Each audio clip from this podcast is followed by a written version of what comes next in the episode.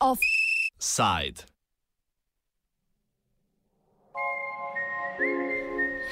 Od žvižganja korglicam.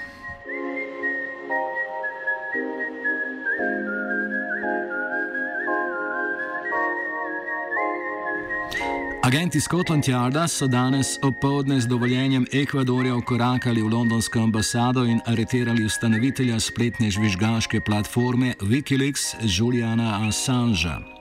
Assange se je v ambasadi zadrževal od leta 2012, ko je Švedska izdala mednarodno tiralico za njim zaradi domnevnega posilstva mladoletnice. Ta je sicer obtožbe že umaknila in priznala, da posilstva ni bilo, a je britanska policija Assange vseeno preganjala zaradi bega pred sodnim pozivom in mednarodno tiralico.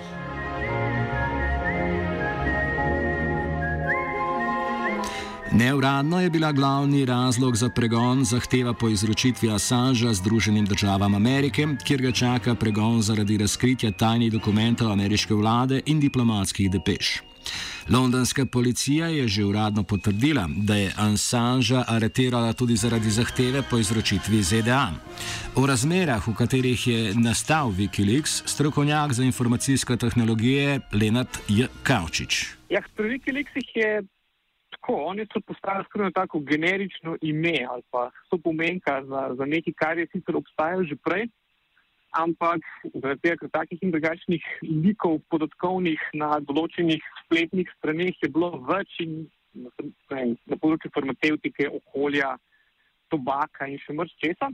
Res pa je, da se je glih okoli Wikileaksa krasno nekako poklopil par stvari, od krize medijske panoge na eni strani, ali pa da se je o tem veliko govorilo, uh, vključno s tem, kot so recimo vem, znani ameriški mediji, naprimer New York Times, pa še kdo takrat tako nekritično sodelovali v domoljubnem poslanstvu um, pošiljanja vojske v Irak, kar pomeni tam hkrati po eni strani ekonomska kriza, po drugi strani nezaupanje v uh, te klasične medije, po na drugi strani se je tudi tehnologija, internet in podobno je zgodilo pa takih dost pomembnih premikov, pa vključno s tem, da se je takrat tudi naenkrat dal na enem ključku, recimo USB, tako za en tovornak ali pa kombi informacij izmakniti ali pa recimo temu presnet.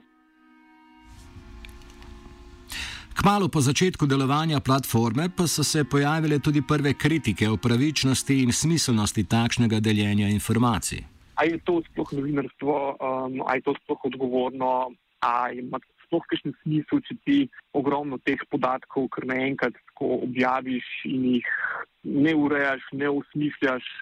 Tako da se je dosti hitro pokazalo dvoje. Od tega, da recimo v Wikileaksu mislo, mislim, pač oni so ugotovili na neki točki, da če samo oni objavljajo te informacije, nimajo tajnega dosega, ki bi ga rabili.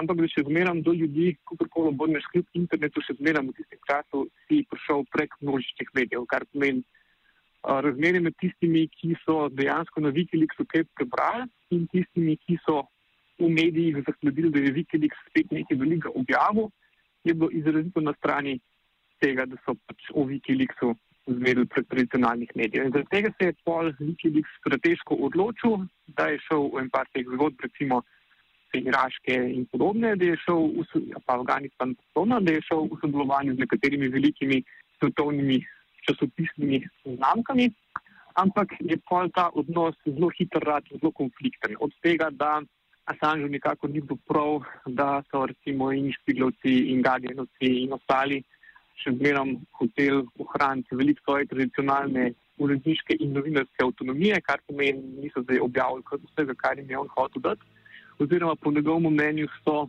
bili čist preveč del sistema.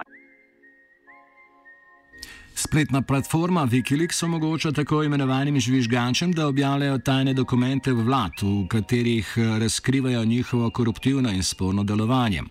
Poleg Assangea sta najbolj znana med njimi Chelsea Manning in Edward Snowden, ki sta z razkriti na platformi osramotila večino držav sveta. Assange se je pred mednarodnim pregonom zatekel na ekvadorsko ambasado, kjer so mu ponudili azil. Glavni razlog za to je bila podpora, ki je Wikileaks užival strani nekdanjega predsednika Rafaela Koreje. Ko je oblast prevzel njegov nekdani namestnik Lenin Moreno, se je politična usmeritev vlade nepričakovano spremenila, kar je prizadelo tudi državni odnos do Assangea.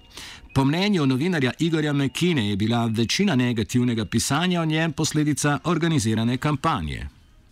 Mislim, da je šlo bolj za nekakšen PR stvari uh, ZDA ali pa njihovih uh, obveščevalnih služb, kot pa za nekaj, kar bi dejansko imelo podlago. Na koncu koncev uh, nikoli ni bilo odkrito, da bi Assange bil ljudska v rokah kogarkoli, je pa prav obratno. Assange pokazal, kako so mnogi po svetu ljudske ZDA uh, in njihove marionete. Tako da uh, se je pa to javno mnenje začelo nekoliko obračati proti Assangeu. Kljub temu pa uh, mislim, da je predvsem danes, ko smo pričali tej aritaciji, nedvomno nekaj. Da je to zelo, zelo velik udarec za svobodo govora, tiska, če želite, in da se je to zgodilo v Veliki Britaniji, ni nenavadno. Velika Britanija ima en pol svoboden tisk, ker ima lastništvo nad informacijami zmeraj prednosti, prednost pred uh, svobodo obveščanja. In uh, ni ne navadno, da so se potem tudi odločili zaradi svojega dovezništva, zato da, da Assange preganjajo do konca. Mekina je prepričan, da za aretacijo stojijo predvsem ZDA, ki bodo verjetno zahtevali njegovo izročitev. Jaz mislim, da ni dvoma o tem, da bodo američani naredili vse, glede na to, da imajo tajno obtožnico že spisano, da Assange dobijo v ZDA. Lahko si predstavljam, da glede na to, da je bila zagotovina dana, da ne bo uh, dobil smrtne kazni, oziroma da ga ne bodo začeli državi, ki izreka smrtno kazen, da bodo ZDA celo dali kakšno, kakšno diplomatsko noto, v kateri bo, bodo zatrdile, da smrtne kazni ne bo. Uh, in s tem primerom bi lahko čakal, recimo, doživljenjski zapor ali pa še kaj več. Glede na obtožbe, ki so proti njemu. Zdaj, kako daleč bo to šlo, ne vem. Seveda, prav gotovo pa možno, da bo tudi zaradi kršitve, eh, formalne kršitve pač britanskih zakonov, ki jo je seveda storil, ne, uh, tudi sam odgovarjal ne, za tistim nekaj mesečnim zaporom. Potem pa ga čaka verjetno izločitev ZDA. Predsednik Moreno je v videu objavljenem na Twitterju obrazložil, da Ekvador ne more več trpeti grobih kršitev azilnega dogovora strani Assangea. Ta je sicer nedvomno ekscentričen, a so te obtožbe verjetno povezane predvsem z objavami dokumentov o lokalni in državni korupciji v Ekvadorju. Assange sicer že več kot pol leta zaradi informacijske karantene vzpostavljene strani ekvadorske ambasade ne vodi več Wikileaksa, zato je za objavo zadnjih tajnih dokumentov verjetno kriva njegova namestnica.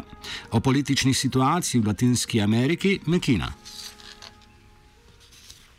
Ja, Latinska Amerika se vedno pač srečno, pa nesrečno vrača. Tam imamo leve in desne vlade. V prejšnjem obdobju zadnjih desetih let večinoma smo imeli na vlasti leve vlade od Ekvadorja pa do o, Bolivije, Venezuele, Argentine in tako naprej. Vse to se je spremenilo, danes imamo še nekaj držav, ki so takšne, seveda, ne? med njimi pa seveda ni Ekvador. Še posebej pa njen predsednik, ki je seveda izrazito desničarski, ki ceni ZDA in uh, predvsem ameriškega predsednika sezdanjega in pa kar je še huje, seveda, ne, je upleten v določene škandale, oziroma njegova družina. Uh, gre za te papirje INA in to je že sama, sam Wikileaks zelo natančno pojasnil, zakaj je tu težava, oziroma po domače povedano, Wikileaks je seveda razkril uh, koruptivna dejanja uh, družine ekvadorskega predsednika, ki je seveda imel še osebni razlog, da Assangea izoči Veliki Britaniji, ki je za maščevanje in za seveda tudi uh, lukrativno zadevo povezano z interesi ZDA.